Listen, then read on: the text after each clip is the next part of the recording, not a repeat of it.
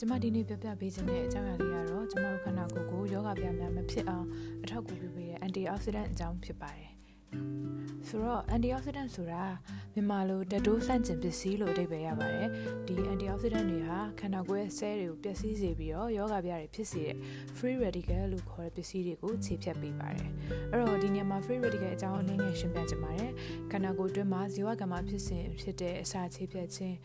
အစာအနေစွန့်ရင်ထုတ်လုပ်တဲ့ဖြစ်စဉ်တွေမှာဘေးထွက်ပစ္စည်းအနေနဲ့ free radical ဆိုတဲ့ဓာတုပစ္စည်းတွေထွက်ရှိပါတယ်။ဒါ့အပြင်ခန္ဓာကိုယ်မှာယောဂဘိုးဝင်တာ၊ရောင်ရမ်းတာတွေလေ့ကျင့်ခန်းအလွန်ကျွံလုပ်တာစိတ်ဖိစီးမှုများတာတွေကလည်း free radical ထွက်ရှိစေပါတယ်။ဒါနဲ့မကသေးပါဘူး။စိလိတ်တောက်တာ၊လေတုညဉ့်ညံ့တာ၊ခရမ်းလွန်အောင်ကြီးတူးတူးမှုများတာနဲ့တဲ့အောင်ကြီးတင်တာကန်ဆာဆေးတွေမိဝဲနေရတာတာရှည်ခံဓာတုပစ္စည်းပါဝင်တဲ့အသင်စားအစားအစာတွေကိုစားသုံးမှုများတာ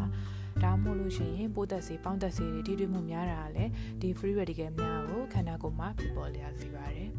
အဲ့တော့ free radical တွေကိုမြန်မာလိုဓာတ်တိုးပစ္စည်းသို့မဟုတ်ဓာတ်လွတ်စုလို့ခေါ်ပါတယ် သူတို့မှာ electron တစ်လုံးလွတ်နေလို့ physics သဘောရပါတော့ဓာတ်လွတ်စုလို့ခေါ်တာဖြစ်ပြီးတော့သူတို့အတွက်လိုအပ်နေတဲ့ electron တွေကိုသူတို့နားမှာရှိရမိသည့် cell ကမဆိုဆွဲယူသုံးဆွဲပါတယ်ဒီလို electron တစ်လုံးပေးလိုက်ရတဲ့ဖြစ်စဉ်ကိုခုနက oxidation ဓာတ်တိုးဖြစ်စဉ်လို့ခေါ်ပါတယ်ဒီလိုဓာတ်တိုးခြင်းဖြစ်ရင် electron ဆွဲဆွဲယူခံလိုက်ရတဲ့ cell ရဲ့ DNA ဖွဲ့စည်းတည်ဆောက်ပုံတွေလုပ်ငန်းတွေပျက်စီးသွားရတယ်လို့သူတို့စီမှာရှိတဲ့ electron တွေပါသွားလို့ပုံများတဲ့ free radical တွေလည်းထပ်ဖြစ်လာရတာပါ ကျမတို့ရဲ့ခန္ဓာကိုယ်ကြီးမှာဒီဓာတ်လို့စုလို့ခေါ်တဲ့ free radical တွေများပြားပြီးစုပုံလာတဲ့အခါခန္ဓာကိုယ်ရှိ cell တွေကိုပျက်စီးစေပါတယ်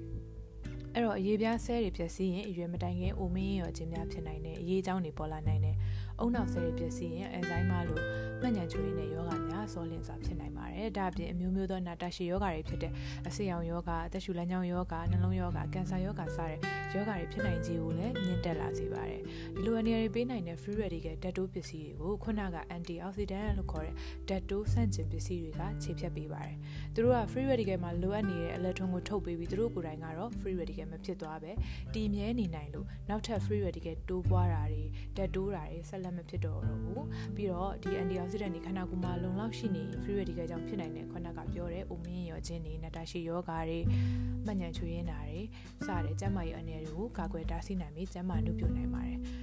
ဒီတော့ကျမတို့အတွက်အရန်ကျမတို့ကျမရဲ့အတွက်ကောင်းတဲ့ antioxidant တွေကိုဘယ်ကရမလဲဆိုတော့နံပါတ်1ကကျမတို့ရဲ့ကိုယ်တွင်းမှာ endogenous antioxidant လို့ခေါ်တဲ့ခန္ဓာကိုယ်ကတဘာအတိုင်းထုတ်လုပ်တဲ့ antioxidant တွေရှိပါတယ်နံပါတ်2ကတော့ကျမတို့နေ့စဉ်စားတောက်တဲ့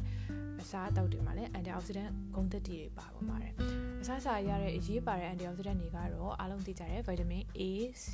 နဲ့ E တွေပါ vitamin C ကတော့ရေမှာပျော်ဝင်နိုင်တဲ့သက်ဆောင်အာဟာရတွေဖြစ်ပြီးတော့ခန္ဓာကိုယ်အတွက်မရှိမဖြစ်လိုအပ်ပါတယ်ဗီတာမင် A နဲ့ E ကတော့ C မှာပျော်ဝင်တဲ့ သက်ဆောင်အာဟာရတွေဖြစ်ပြီးတော့ကျမတို့ခန္ဓာကိုယ်ရဲ့ဆဲနံရံတွေကိုဓာတ်တိုးခြင်းဖြစ်စဉ်မှာကာကွယ်ပေးပါတယ်။အခြား antioxidant များအနေနဲ့ကတော့ beta carotene, lycopene, lutein, selenium, manganese, xanthin စစတာတွေအပြင်အပြင်နေရရတဲ့ flavonoid လို့ခေါ်တဲ့ရောင်ချယ်အာဟာရတွေ polyphenol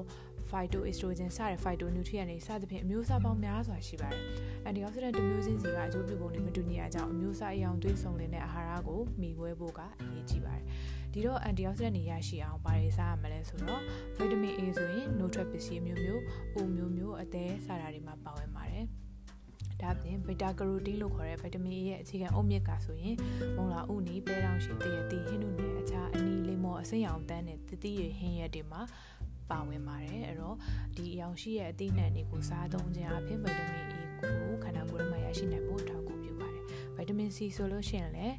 broccoli ကိုက်လန်ကစုံဦးဟင်းနုနဲ့ငရုတ်ပွားလိမ္မော်ဒီကီဝီဒီဘယ်ရီဒီမလကာဒီတမော်ဒီတမယာဒီအစတဲ့အသီးနှံတွေမှာပါဝင်ပါတယ်ဗီတာမင် E ဆိုလို့ရှိရင်ထောပတ်သီးလိုအသီးတွေနောက်ပြီးတော့တစ်ကြားစီနေကြားစီလိုဆေးဆန်တွေနောက်ပြီးတော့ဟင်းသီးရွက်စီလိုဆေးအောင်ဟင်းသီးရွက်တို့ကလည်းရရှိနိုင်ပါတယ်တ ခြား antioxidant ဓာတ်တွေဖြစ်တဲ့ lycopene, lutein, selenium စတာတွေကလည်းအကြောင်းဆုံးတဲ့အသီးနှံတွေဖြစ်တဲ့ခရမ်းညင်တွေဖရဲသီးအနီအောင်သီးနှံတွေပြောင်းမှုတမောသီးလိမ္မောသီးစတဲ့လိမ္မောအောင်ဆေးအောင်အသီးနှံတွေဇန်လုံးလိုပြောင်းကျုံဥမျိုးမျိုးခေါမာသီး cheese ပဲမျိုးမျိုးကလည်းဒီ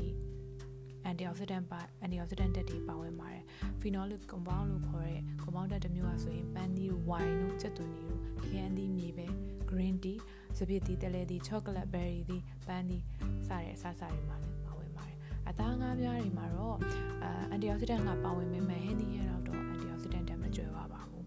အဲ့တော့ဟင်းသီးဟျက်တွေကိုချက်ပြုတ်လိုက်တဲ့အခါအန်တီအောက်ဆီဒန့်တွေရောကျသွားလားဆိုတော့တချို့ကတော့ရောကျသွားပြီတချို့ကတော့တိုးလာပါတယ်ဥပမာအဖြစ်ခဲကျင်ဒီမှာပါတယ်လိုက်ကိုပင်းဆိုတဲ့အန်တီအောက်ဆီဒန့်ဟာအပူနဲ့ချက်ပြုတ်လိုက်တဲ့အခါခန္ဓာကိုယ်မှာစုပ်ယူသုံးဆွဲဖို့ပုံမကောင်းမွန်တဲ့အနေအထား ရောက်ရှိသွားပါတယ်တချို့ဟင်းသီးရွက်စီများကြတော့ထပ်တလဲလဲကြော်လာချက်ပြုတ်လိုက်ရင်သူတို့မှာပါတယ်အန်တီအောက်ဆီဒန့်ဂုဏ်သတ္တိတွေရောကျသွားတာမျိုးဖြစ်ပါတယ်တန်လွင်စီပဲစီနေကြစီ